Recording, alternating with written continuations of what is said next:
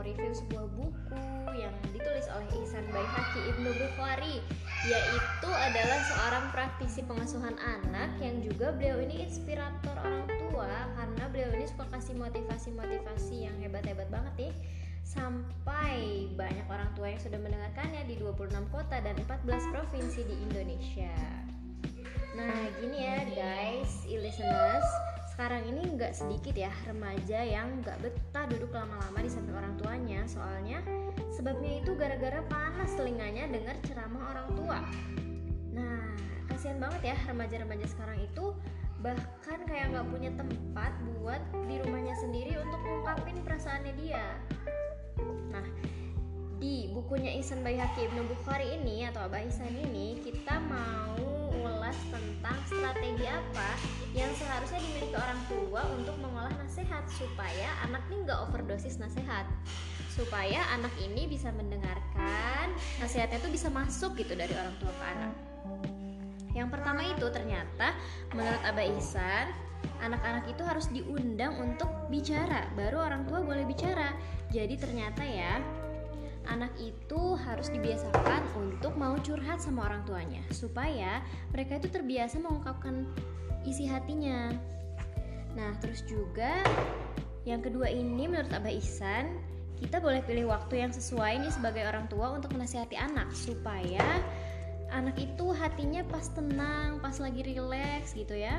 Nah, seperti apa sih waktu yang sesuai ini?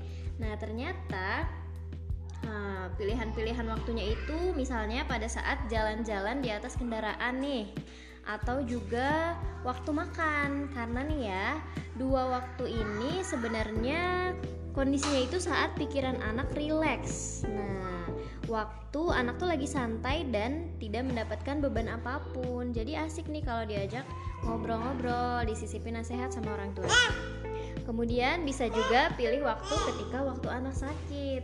Karena gini nih, kalau orang tua aja bisa lembut hatinya ya pas sakit, anak juga bisa lembut juga loh hatinya pas dia sakit. Karena kan gini ya, kalau anak sakit itu adalah waktunya mereka membutuhkan perhatian, sentuhan fisik, dan sentuhan mental. Jadi dia benar-benar bisa siap menerima input setelah perhatian-perhatian yang orang tua berikan sama dia. Terus juga waktu sebelum tidur dan bangun tidur. Jadi ini adalah waktu saat di mana kondisi terjadi perpindahan gelombang otak anak yaitu antara gelombang alfa dan beta. Jadi kalau orang tua bisa menemani anak pas bangun tidur atau menjelang tidur 10 menit aja, orang tua itu udah mengelola kepusingan anak dengan lebih baik loh. Selain itu, orang tua juga justru memanfaatkan waktu berharga ini untuk menginstalkan program-program positif ke dalam pikiran anak. Wah, bisa dipraktekin ya sama orang tua orang tua sekalian. Nah terus juga ada satu lagi nih.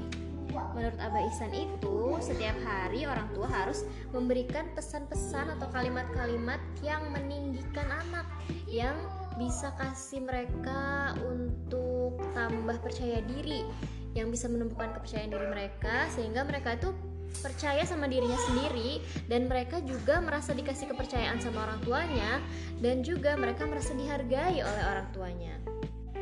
Oke, dari ulasan tersebut kira-kira udah dapet inspirasi ya kurang lebih untuk jadi orang tua yang proaktif, orang tua yang solih dan yang bisa mengantisipasi masalah ya bukan cuma reaktif terhadap masalah doang ya nggak nggak cuma marah-marah doang Yuk, bisa yuk kita mulai jadi orang tua yang bisa selalu setiap harinya kasih mereka anak-anak pesan yang meninggikan yang membuat mereka percaya diri. Dan kita tuh harus fokus pada solusi ya bukan cuma reaktif terhadap masalahnya.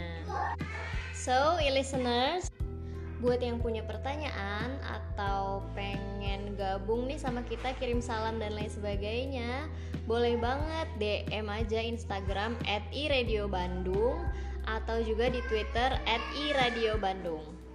Setelah ini kita puterin dulu lagu dari Caleb J, It's Only Me. Oke, selamat sore listeners.